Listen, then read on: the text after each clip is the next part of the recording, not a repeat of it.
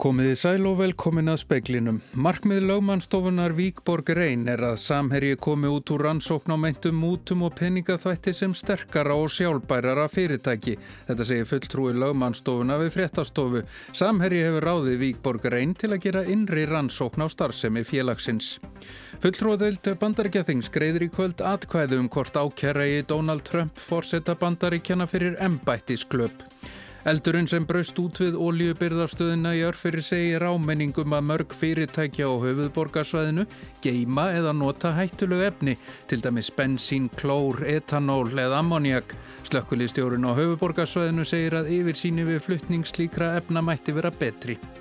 Konur í atvinnulífinu kalla eftir kynjakvóta í stjórnunarstöðum fyrirtækja því lítið þokast í jafnbrettis átt. Einungis 13% framkvæmdastjóra eða forstjóra stærri fyrirtækja eru konur.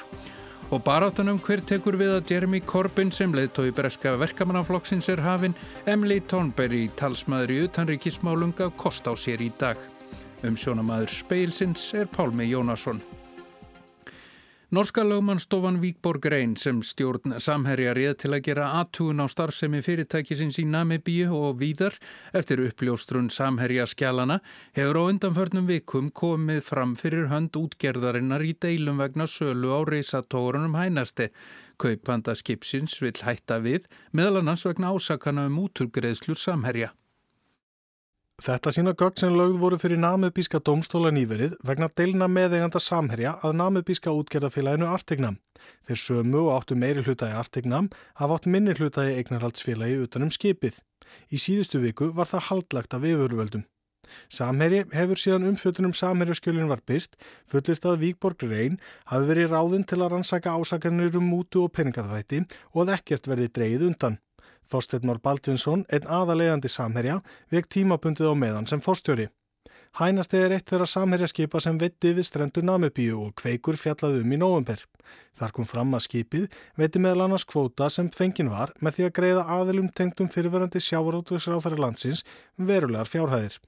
Samherji hefur síðustu mánuði reynt að fá samþykir hlutafa til að selja skipið til rúsa. Það hefur verið umdelt og hafa namibískir kvótahafar með eigendur að artignam ítrekkað stemt samherjafélugum fyrir dóm í Namibíu vegna sölunar. Í brefaskriftum sem fréttastofa hefur aðgangað er yfirlýsing fulltrúa rústinska félagsins um að það vilji hætta við kaupin á skipinu, meðal annars vegna rannsókna á myndum mútugreslum samherja. Í brefinu segir stjórnandin að því hafi einnig ránglega verið haldið fram fyrir domstólum að þegar væri búið að gera kaupsamning vegna skipsins. Í gögnunum er einnig að finna bref frá Víkborg Reyn fyrir hönd samherja til lögumanna rúsneska félagsins. Þar kemur fram að Víkborg Reyn geti hagsmuna samherja. Í brefinu er einnig vikið að myndum útugreistum samherja sem lögumannstofan segir aðeins ásakanir og að ekkert hafi verið sannaði þeim efnum. Í skriflegu svari segir Björgólur Jóhansson, fóstur í samherja í dag, að rannsókn Víborg Reyn sé ekki ofnubber rannsókn, heldur innri rannsókn. Lögumannstofan hafi einnig veitt lögfræðilega ráðgjöf vegna hennar. Björgólfur vildi ekki svara ítrökuðum spurningum um hvort Víkborg Reyn hefði verið ráðinn til að geta hagsmuna samherja og vísað á yfirlýsingu sem lögmannstofan sendi fréttastofu. Yfirlýsingin var svar við skriflegum spurningum sem sendar voru Víkborg Reyn fyrir í dag. Í henni kemur fram að lögmannstofan vinni að aðtugun á starfsemi samherja og að það sé gert í umbúðu stjórnar fyrirtækisins. Það sé ekki í þeirra höndum að komast að niðurstöðu um hvort samherji hafi broti lög. Það sé viðegandi yfirvalda að skera úrum. Víkborg Reyn segir að markmið vinnu sinnar sé meðal annars að samherji standi uppi sem sterkara og sjálfbærara fyrirtæki. Alsteit Kjartansson sæði frá. Fulltróðdeild bandaríkja þings greiður í kvöld atkvæðu um hvort ákjara í Donald Trump fórseta bandaríkjana fyrir embættisklöp. Þetta er í fymta sinn í sögunni sem kæruferli hefur verið hundið á stað gegn fórseta bandaríkjana. Verði Trump ákjærður í kvöld yrði hann þriðji fórsetin í sögunni til að hljóta þau orlög. Eftir umræðu sem hófstum klukkan 2 að íslenskun tíma er búist við að atkvæðagreðsla fari fram um klukkan 9 í kvöld um tvær ákjærur gegn honum. Annars vegar fyrir að misnota vald sitt og hins vegar fyrir að standa í vegi fyrir rannsókn þingnemdar á málinu. Trump hefur sjálfur margsinni slíkt rannsókninni við Nortnaveiðar. Konur í atvinnulífinu vilja að sett verði lögum kynjakvóta í stjórnunarstöðum fyrirtækja líkt og gert var með stjórnir fyrirtækja. Þetta kemur fram í rannsókn ástu Dísar Óladóttur, lektors við Háskóla Íslands. Ísland trónir eftir á lista Alþjóða efnagsrásins World Economic Forum um kynjajabretti 11. árið í rauð. Þrátt verið það hallar á konur þegar kemur að stjórnunarstöðum í fyrirtækjum. Ástadís bendir á í fræðigrensinni sem byrt var í tímaritinu stjórnmál og stjórnsísla að engin kona gegni forstjórastöðu í skráðu fyrirtæki á Íslandi og að í fyrirtækju með fleiri starfsmenn en 50 séu einungis 13% framkvæmdastjóra eða forstjóra konur.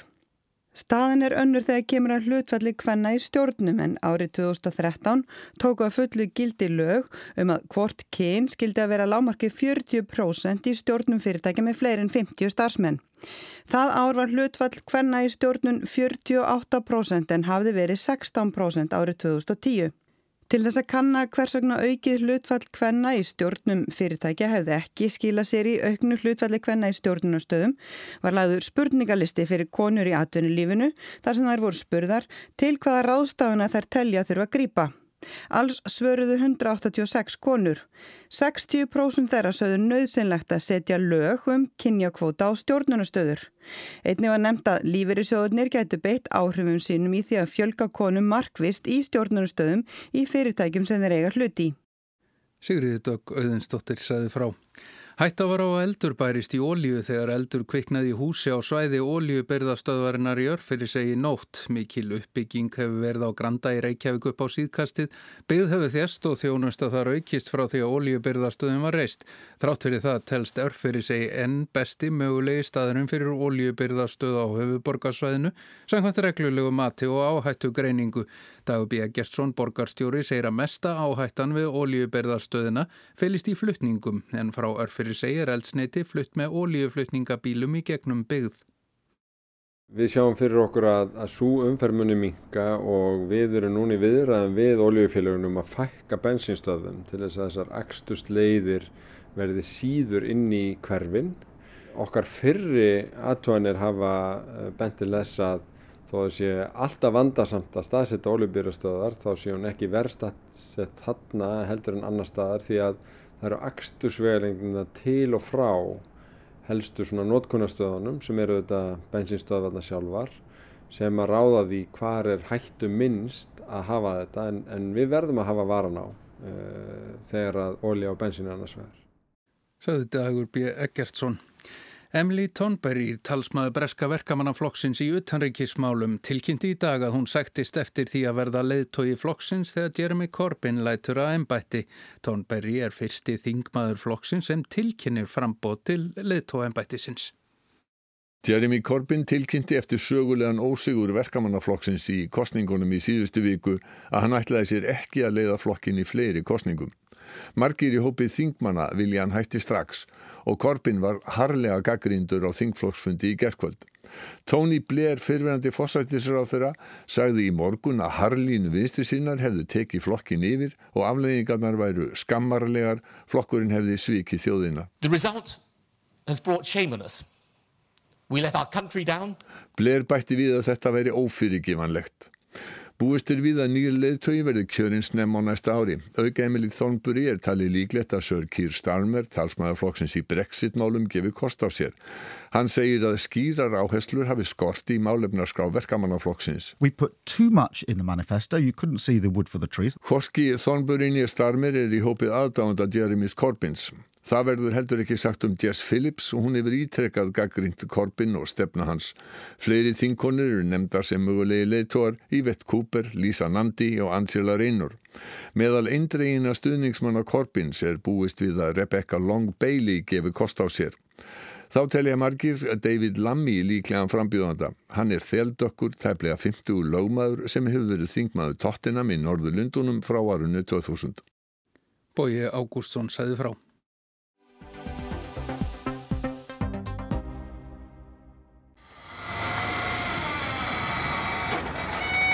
Hliðið opnast og óljuflutningabílarnir aka sneisa fullir frá óljubyrðastöðinni í örfyrirsegi á bensinstöðvar í borginni. Það er heiðskýrt og hvita tankana ber við heiminn.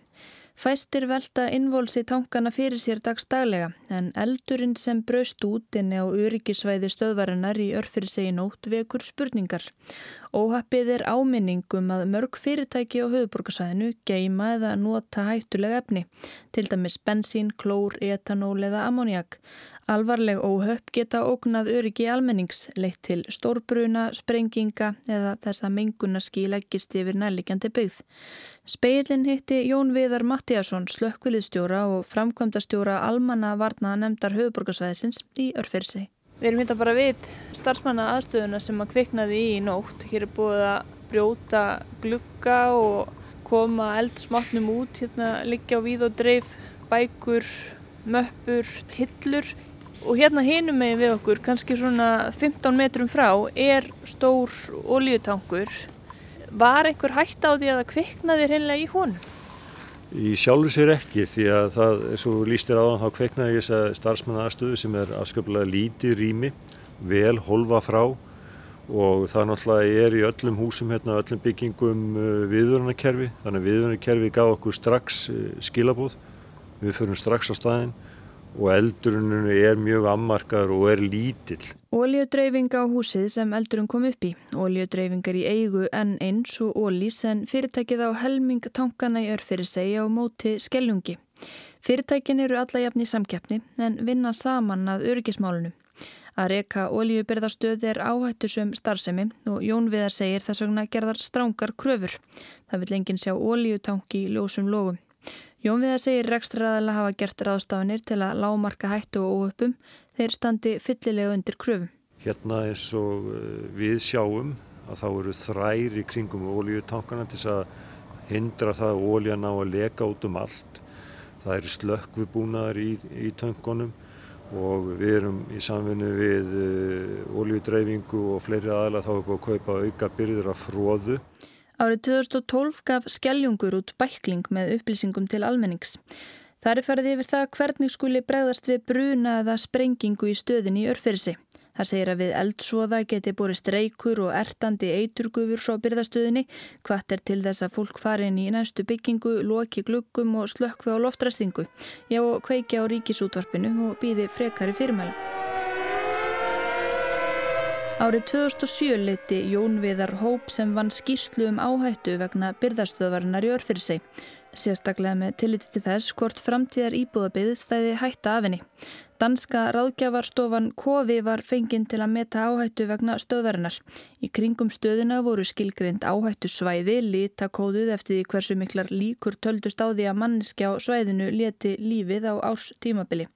Á rauðu og gulu svæðinum næst stöðinni var talin hætta á 0,00001 döðsfalli á ári til að setja þetta hlutfall í samhengi. Ef áhætta vegna snjóflóða er talin þetta mikil eða meiri hér er grepið inni, segir í skýslu vinnueftilitsins.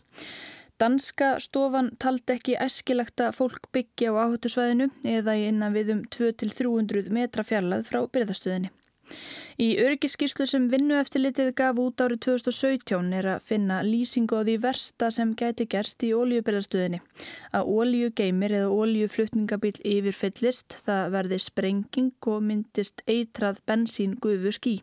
Höggbilgja frá sprengingunni gæti valdi verulegum skemmtum og slísum í nágrunnu.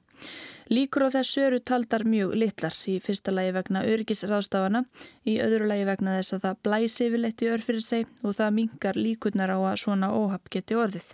Við erum með eini staðurinn, þú kannski mannst eftir hérna fyrir mörgum árum síðan þá voru alltaf lúðrar sem fóru í gang út af almannavörnum ákunnum dögum í, í mánuðinum og við settum upp lúðra sem eru hér fyrir utan sem að gefa mjög sterk hljóðmerki frá sér sem að við getum ræst á slökkulið og þeir sem eru hér geta ræst líka kveikt á þannig að það fyrir ekkert á milli mála ef einhvað kemur hérna fyrir og það er þess vegna sem að við sittum upp til að vekja fólk bæði að degi til og kvöldi til að það sé einhvað í gangi og fólk fá bara hreinlega að forði sér.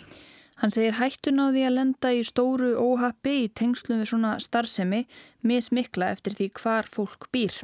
En það sé engin alveg óhulltur því þurfi viðbrasaðilar alltaf að vera tilbúinir því að rýma öll svæði og fjölmiðlar gegnir þarna líka mikilvægu hlutverki. Svo verðist sem rekstraræðilar og viðbrasaðilar séu meðvitaður um áhættuna sem fylgir byrðastöðinni í örfyrir sig. En það er ekki byrðahaldið sem er hættumest. Jón Viðar segir fluttning á eldsneiti hættu meiri. Frá örfyrir segi er eldsneitið oftast flutt um mýrargötu og áfram um sæbraut og stundum ringbraut. Aftur segir Jón rekstraræðala standa sem er príði, þá séu bílarnir mertir með appilsinnugulum plötum og ef eitthvað kemur upp á, átti viðbræðsaðilar á vettvangi sér strax á því hvaða efni sé á töngunum og hvernig skuli breðast við. En það er ekki bara ólíja sem er flutt um götur borgarinnar. Í skýslu sem verkfræðistofan Eblavan fyrir Reykjavíkuborg árið 2013 kemur fram að skorti upplýsingar um fluttning annara hættulegra efna um höfuborgarsveið og ekki séu til ópimber viðmiðum ásættanlega hættu vegna hættulegra efna. Fram kemur að Lísi HF sem er með starfsemi skamt frá ólíubræðstöðinni flytti en 2000 lítra af brennanlegu etanóli á ári og þá sé fluttur mikill klóri í tengslum við lagar ólís í örfyrir sig. Jón Viðar telur að yfir sínin um hvað er flutt, hvenar og eftir hvaða leiðum mætti vera betri. Sko við getum sagt að uh, megnið og eiginlega allt það sem undir flokkar sem hættulega efni kemur með skipum til landsins. Alla merkingar og flokkun og þýlikt í skipum er afskapla vandað og vel að því staðið. En við höfum verið að reyka okkur á því á það að eftir að það kemur úr skipinu, kemur inn í vöru geimsluna þá er þetta sett á sérstakar staði. En svo þegar þetta er farið út í dreifingu bara um allt landið þá eru við ekki eins örug með okkur raunur hvað hlutin eru niður komnir og það er raunur fylgja raunur þar eru ákveðin fyrirmæli vörubýstar sem er að flytja hættuleg efni þurfa að vera með sérstaklega námskið réttin til þess að fá að flytja hættuleg efni en þarna held ég að við megum gera tölvörpi. Er einhver vinna í gangi við það? Við erum búin að eh, senda erindi til uh, þar til bæra yfirvalda og óska eftir að svona sé að vera að skerpa á þessu. Í matskíslunni frá árunni 2007 var lagt mat á hvort æskilegt væri að færa stöðina annað til dæmis í Álsnesið í Strömsvík. Alls voru átjón staðir metnir. Niðurstaðan var svo að best væri að hafa annað það sem hún er. Þannig að það var unur allt sem sagði að þetta væri besta staðsendingin. En hvað er þið gert í dag út frá nú, nútíma kröfum veit maður ekki en, en... Ef að það ætti að byggja þetta upp í dag þá kannski væri hugsað um þá starfsemi sem er hérna, fyrirtækinni kring verslanir, þjónustu? Já, algjörlega og svo náttúrulega kemur líka inn bara önnu lausn. Uh, Víðast hvar ellendis er farið að setja þessa tanka neðanjarar. Það er einn lausnin. Og það einhver öryggi þá? Það einhver öryggi, það auðveldar slökkustarfið vissuleiti og það líka kannski kemur við veg fyrir að vera fyrir njaski eða eitthvað þýlut þannig að það er alltaf svona að vera vega og meta einsa hluti sagði Jón Viðar Mattiasson Arnildur Háltanadóttir talaði við hann. Ljótleikin hefur verið lofsungin í ítalska smábænum Pioppico í 140 ár. Bærin er þektur sem höfuðborg ljótleikans og síðustu misseri hefur fegurð hugssjónarinnar um ljótleikan breyðst út um allan heim. A cuore, non ci, non ci siete il in dialetto, no? Ci dicono, eh, sei del paese dei brutti, brutti di Piobbi. Piobbico er 2000 manna miðaldabæra á miðjum Ítaljuskaganum austanverðum, milli Appennína fjallgarsins og Adriahafs. Bærin er eins og leikmynd í gamalli kvikmynd, miðalda steinhús í skói vaksinni hlýð. Það er þó ekki fegurðin sem heldur nafni Þorpsins á lofti heldur ljótleikin. Frá árunu 1879 hefur bærin verið heimkynni Club de Brutti eða félags Ljótra. Giovanni Aluzzi hefur verið formaður félagsins síðustu átta ár. Hann segir að kjörorð félagsins séu, ljótleikin er digð, fegurðin þrældómur. Il, il detto principale è La bruttezza è una virtù, la bellezza è schiavitù. Félagsmenn trúa því einlaglega að fegurðin felist í innrætinu, ekki útlitinu. Þetta kviknaði sem fögur hugssjón fyrir 140 árum en hefur með tíð og tíma þróast og er að verðað alheims reyfingu. Nú eru 30.000 manns í heimsamtökum ljótafólksins. Upphaflega hugmyndin var að mynda félagskap, ekki síst til þess að koma einstaðum konum í kynni við væntanlegan maka. Benedetta Luzzi segir að félag ljótra hafi í raun verið Tinder síns tíma. The Ugly Club was um, an old uh, Tinder, we can say. It's like, yeah, a way to put people together. Félagskapurinn þróaðist úr því að vera vettvangur samskipta og varanlegra ásta yfir í tilbeðslu á innri fegurð óháð líkamlegri ásjónu. Árið 2007 var afhjúpuð stitta á aðaltorgi bæjarins til að heiðra ljóta fólkið. Benedetta Alucci segir félagskapin afar mikilvægan í litlu samfélagi þar sem allir þekki alla. Félagið samenni bæjarbúa og sé vettvangur samhjálpar á öllum sviðum. Í raun snúist félagskapurinn fyrst og fremst um hluttekningu eða samúð. Pjómbíku is a small town. We, always, we, we all know each other. The presence of this club in, in this place uh, help people out. In Piobico, it's something that we share. Uh, empathy. I think it's about empathy. Í setni tíð hefur félagskapurinn verið opnaður upp á gátt og utan að komandi fengið að komast inn í hlíuna. Eldri félagsmenn meta þá sem sækja um ingangu og ákveða hvar á ljótleika hvarðanum hver og einn á heima. Ljótleikin getur verið allt frá ótilgreindum ljótleika yfir í furðulega ljótan. Félagar þurfa í raun ekki að vera ljótir. Það er innri fegurðin sem er loftsungin og það að hafa ekki áhyggjur af því hvað öðrum finnst um útlitið. Fyrsta sunnudag í september er haldinn háttíð hinn að ljótu í miðaldabænum Fagra. Háttíðin verður stöðugt fjölmennari og gestir koma til að fagna fegurðu ljótleikans frá öllum heims hornum. Á háttíðin er forseti félagsins kjörin, nýjir félagar teknir inn í samfélag ljótra og snætt staðbundið góðgæti eins og tröflur eða jarðkeppur eins og neðanjarðasveppurinn kallast víst á ástkæra ilhýra, pasta og polenta carbonara sem eldaðir í forláta látúnspottum. Í raun er þetta uppreist gegn landlægri útlitt stýrkun á Ítalju og um heim allan. Innri fegurð skiptir meiru en ásjónan. Benedetta Alucci segir að í raun skipti ljótleikin engum máli Fólk þurfi ekki að vera ljótt til að komast í félagskap ljótra. Hins vegar sé nöðsilegt að vera fallega innrættur og skilja raunverulegt intak félagsins. Vertu þú sjálfur, í því fælst fegurðin, trúðu á sjálfan þig og hafðu ekki áhyggjur af annara manna sleggju dómum. It doesn't mean that you are ugly if you are in the club. It means that you are very beautiful in the inside and you can understand the the purpose and all the feelings and the, uh, the ideas of the club. It's okay to be you. Whoever you are, it's okay. It's fine, it's beautiful.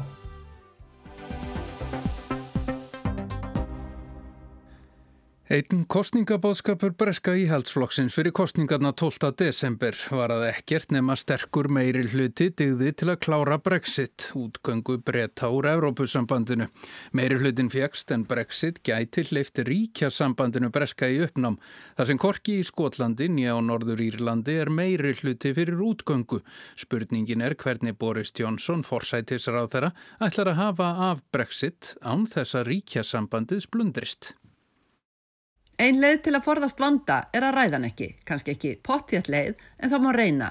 Og það var leiðin sem Boris Johnson, forsætsráðra, valdi á föstudagsmorgunin eftir kostningarnar þegar hann flutti stutt ávarp í hlaðinu á Dáningstræti. Hann rækti fyrirheit stjórnar sinnar sem nú væri aukin og eld af samfarrandi meiruluta. And if you ask yourselves, what is this new government going to do? What is he going to do with his extraordinary majority? I will tell you that is what we are going to do. We are going to unite and level up. Unite and level up, bringing together the whole of this incredible United Kingdom, England, Scotland, Wales, Northern Ireland, together. Ef þið nú spyrjið ykkur, saði Johnson, hvað ætlast þessi nýja stjórn fyrir? Hvað ætlar hann að gera með þannig líka stórfenglega meiruluta? Þá get ég sagt ykkur, það er þetta sem við ætlum að gera, sameina og jafna, sameina og jafna.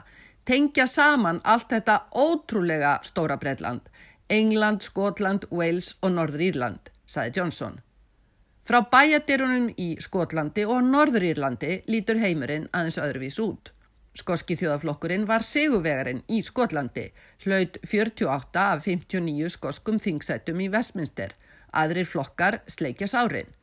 Tilvera flokksins byggist á sjálfstæðisbaráttu en hann tapaði 2014 í þjóratkvæðagreislunni um sjálfstæði.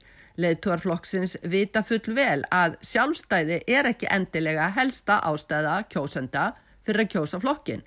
Helsta kostningamál flokksins var því áframhaldandi ESB aðild sem skotar taka fram yfir sjálfstæði.